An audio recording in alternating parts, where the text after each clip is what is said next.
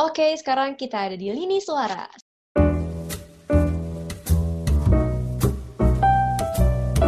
Sekarang kita kedatangan tamu istimewa nih teman-teman di sini. Kita ada Kang Argia. Iya, Kang Argia ini ya teman-teman. Kang Argia Bayu Aji nama lengkapnya. Dia adalah Younger with Parkinson Disease. Dan dia adalah seorang depression and suicide survivor. Dan dia pun udah terbiasa loh ngisi podcast teman-teman di Parkinson Parkinson Talk Podcast. Nah, kali ini kita kedatangan Kang Argia nih. Kang Argia di sini kita bakal ngebahas topik yang bener-bener asik banget. Topik yang menarik banget buat kita semua. Pastinya teman-teman pasti pada ngerasain hal ini nih selama masa pandemi ini, khususnya teman-teman mahasiswa. Tema bahasan kita kali ini adalah mental health mahasiswa selama pandemi. Burnout, nugas terus sampai mampus, sweetie. Temanya keren banget nih teman-teman. Oke, langsung aja yuk. Halo Kang Argia. Apa kabar Kang? Halo, halo. Baik-baik kabarnya. Gimana, gimana? Sana kabarnya baik juga? Ya, Alhamdulillah kita di sini baik Kang. Kita seneng okay. banget nih Kang kedatangan Akang di podcast kali ini. Apalagi kan Akang udah berpengalaman banget nih Kang mengenai masalah mental health di kalangan mahasiswa. Kita pengen tahu nih kira-kira perspektif dari Akang ya mengenai mental health itu apa sih Kang? Oke, okay, nah sebenarnya keren sih ya acaranya gitu. Aku apresiasi dulu boleh kan? Oh iya boleh boleh Kang. Boleh ya, boleh ya. Apresiasi dulu nih. Jadi gini, emang banyak banyak pengertian kalau mental health. Tapi dari sudut pandang aku sendiri ya, mental health itu di mana kita bisa berfungsi sebagai manusia seutuhnya gitu ya. Dan iya. itu biasanya mental health itu tidak hanya sekedar kesehatan mental yang kita pelajari baik fisik maupun uh, psikologis tapi juga sosial juga uh, terhadap situasi gitu ya kayak misalnya hmm. uh, dari dari situasi-situasi kan kayak gitu uh, dari situasi dari mungkin ya kayak gini masa-masa pandemi ini nah kita kan pasti akan akan melihat situasi kan yang berbeda gitu. kurang lebihnya seperti itu kira-kira nih Kang kalau misalnya di kalangan remaja nih mental health atau di kalangan mahasiswa ya Kang uh, apa sih penyebab dari mental health? Apalagi kan di masa pandemi ini Kang gitu. Kira-kira apakah karena tugas atau mungkin dari siklus yang berbeda seperti yang akan bilang tadi ya situasi gitu ya Kang? Kira-kira gimana nih Kang? Oke kalau terkait dengan kenapa nih bisa mental health bisa berpengaruh terpengaruh ya gitu. Padahal hmm. kita kan harusnya harus sehat secara nggak cuma secara fisik ya tadi dibilang secara mental pun juga ya karena banyak hal loh. Jadi uh, yang pertama tadi lingkungan situasi. Jadi memang uh, situasi saya seperti ini pandemi ya. Pandemi itu kan benar-benar situasi di mana uh, segala hal apalagi ini kan bersifatnya pandemi umum ya. Umum itu luas banget jadi pasti semua aspek terganggu.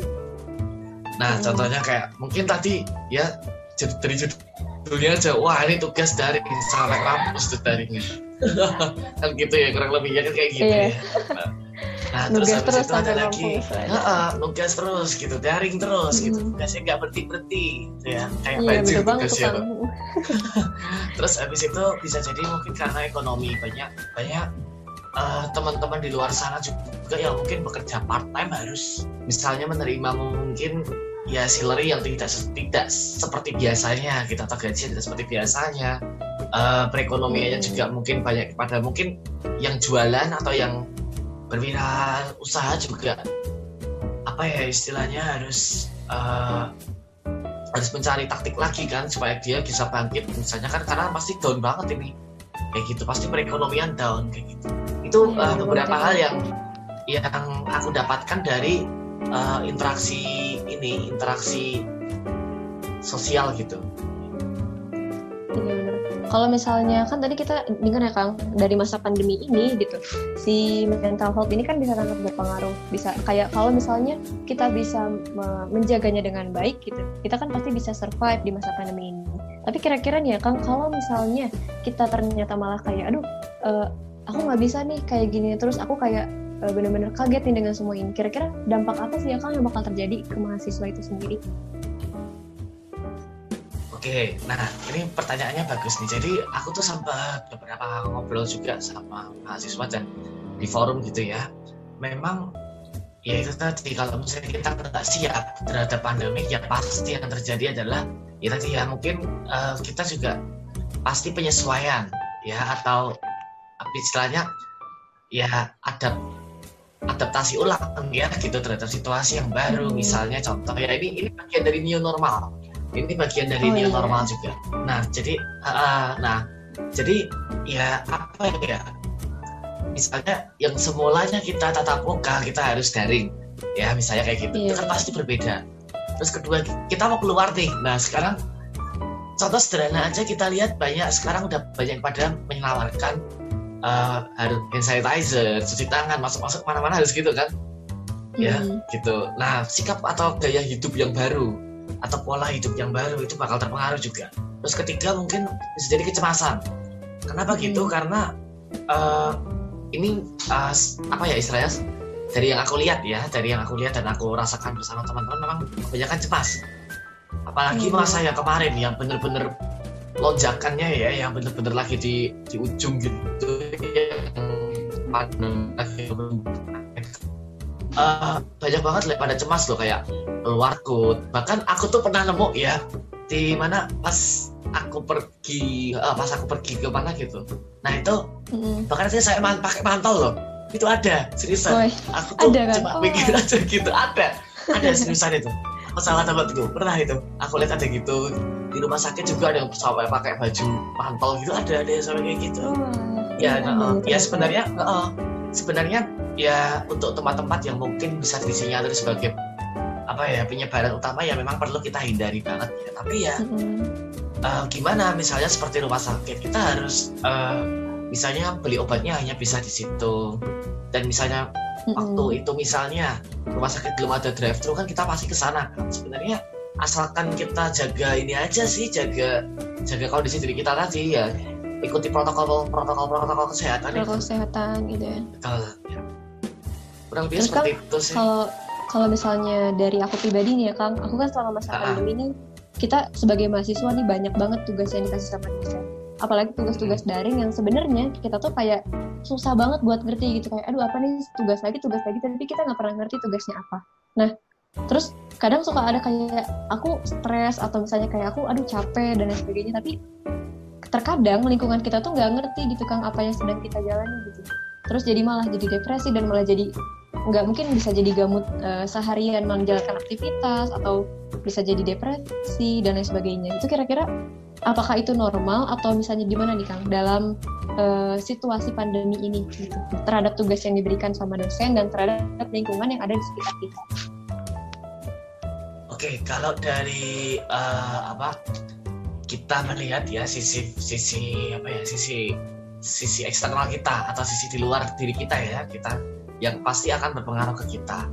Ya tentunya memang uh, proses ini kita kalau aku sendiri ya aku sendiri dari perspektif aku yang sebagai juga uh, major depression disorder ya tadi kamu bilang ada depresi stres gitu itu sangat iya. berpengaruh yeah. banget loh itu sangat berpengaruh sangat banget di aku ya mm -hmm. uh, di aku ya terutama uh, bagi teman-teman yang mungkin uh, ya mengalami hal, hal yang sama mungkin yang memiliki uh, some apa ya problem mentally problem nah itu pasti terasa juga kan kayak misalnya moodnya menjadi berubah tadi yang disebutkan ya terus tiba-tiba yeah, jadi yeah. kayak ini tugas kok nggak selesai-selesai kita berusaha yeah. untuk, untuk menyelesaikan tugas itu dengan baik dan tapi ternyata kok uh, apa tugasnya juga numpuk gitu ya padahal kan di rumah yeah. aja nah kayak gitu kan pasti tentunya Hmm, jadi menimbulkan apa ya? Kebosanan juga kan jadi bosan hmm, jadi benar jadi jenuh gitu ya kang ya? Hmm, jenuh jenuh. Pikirannya ke mana-mana ini kira-kira kalau aku keluar uh, ngefeknya apa ya gitu. Kalau misalnya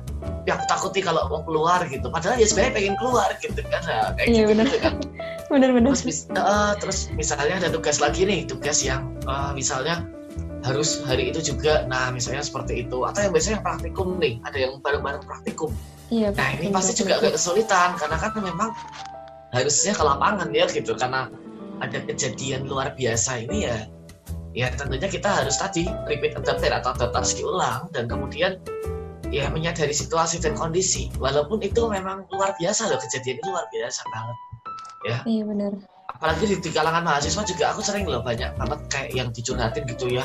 Tugasnya banyak kepalanya sumpek kayak mau pecah pusing iya. kadang kayak tidurnya nggak teratur Heeh. terus sampai mampus para tuh kayak nggak habis habis iya. itu guys ada lagi ada lagi Iya, gitu kan ya. heeh. ya kok kok kayaknya setiap pertemuan ada yang di belum selesai dikumpulin deadline dua minggu misalnya kayak iya gitu bener nah banget.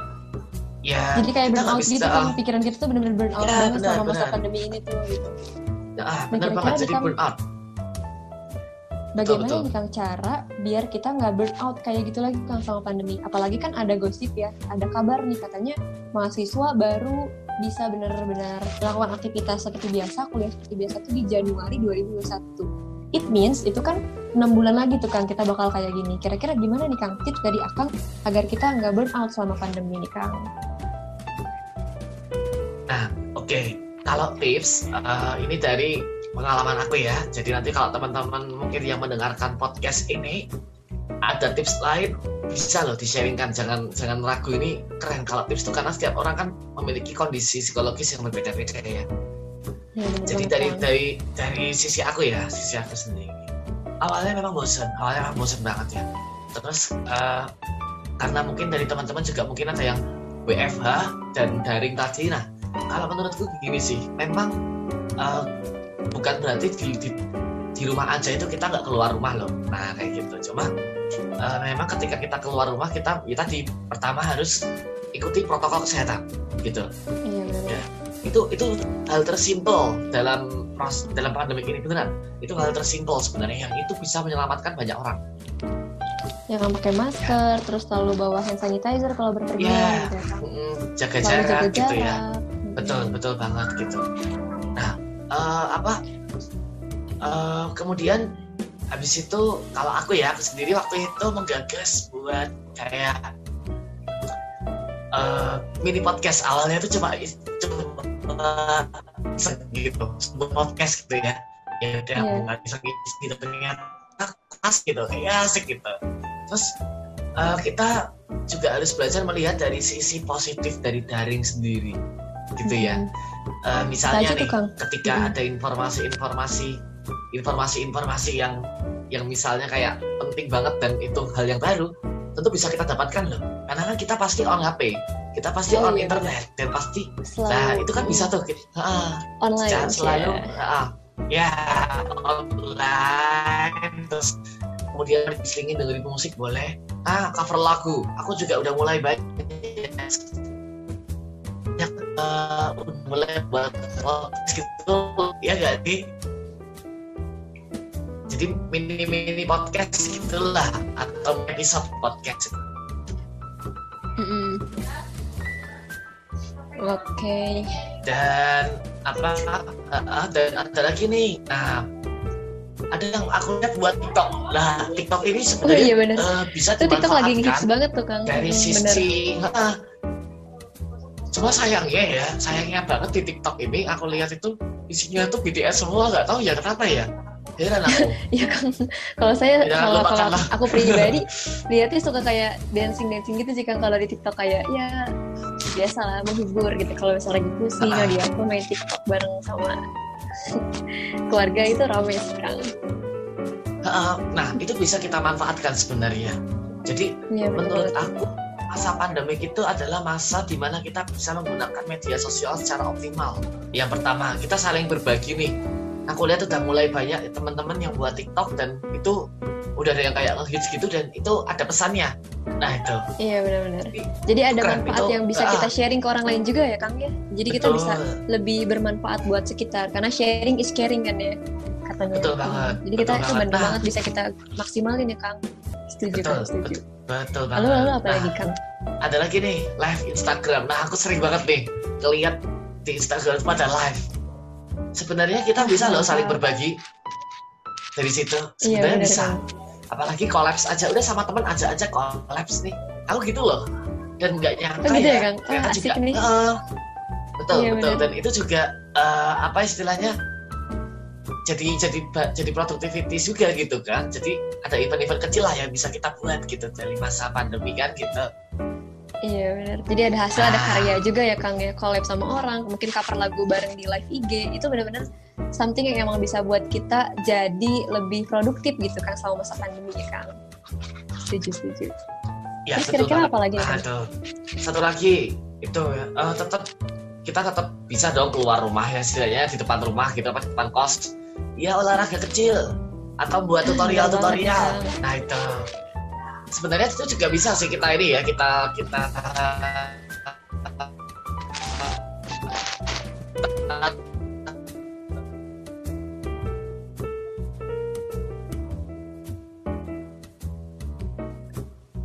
Halo Kang? halo halo Suaranya? ya itu bisa Nah, ya. nah itu bisa bisa kita lakukan loh itu secara sederhana olahraga olahraga gitu Iya bener banget.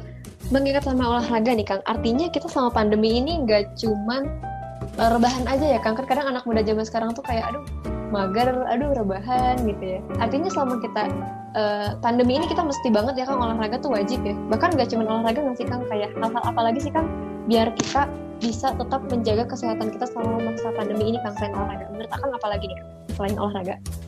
oke Biar kita nggak cuma rebahan doang. Nah, selain olahraga, ya kita bisa lakukan lagi hal-hal yang mungkin teman-teman sukai. Tadi musik, main mungkin ya musik atau mungkin bisa juga ed, eh, yang suka edit, editing.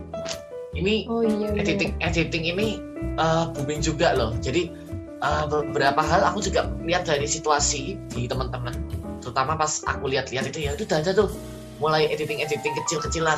Nah itu itu mulai banyak. Terus buka Hmm. webinar-webinar kecil atau kelas-kelas kecil. Nah itu juga bisa sebenarnya. Oh iya, keren kelas banget. diskusi kayak gini, podcast Iya kayak gini. kayak gini gitu ya. Kang. Iya. Ah iya, Ini benar. keren banget, bener banget Kang sih.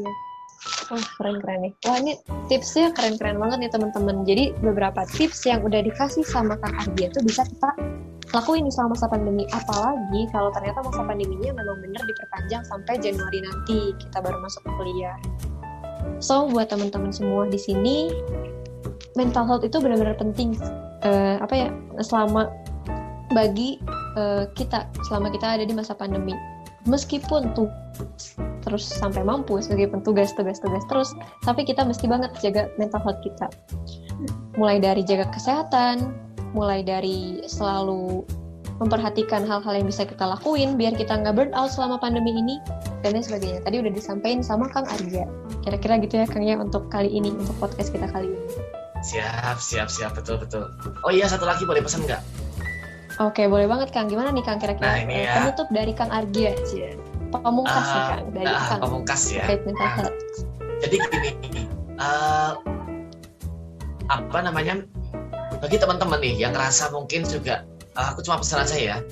Jadi memang pan- masa pandemi itu banyak hal yang memang kita nggak terduga gitu ya atau ada mungkin teman-teman merasa cemas merasa apa tapi eh, it's okay kalau teman-teman misalnya udah meng- eh, misalnya merasakan sesuatu psikologis yang kurang baik dalam masa yang berkepanjangan bisa loh teman-teman mengakses layanan-layanan psikologi yang ada di eh, sekitar teman-teman atau ada di web teman-teman atau ada mungkin dari DM Instagram atau dari apa itu bisa banget.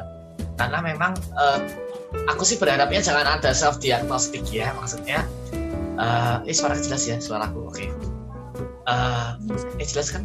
Oke ada apa? Jelas. self diag self diagnostik jadi semakin kita kita oke kita boleh takut boleh kita boleh takut kita takut cemas itu wajar. Tapi kalau berlebihan itu sama sekali eh, patut kita kurangi atau kita kendalikan sendiri gitu.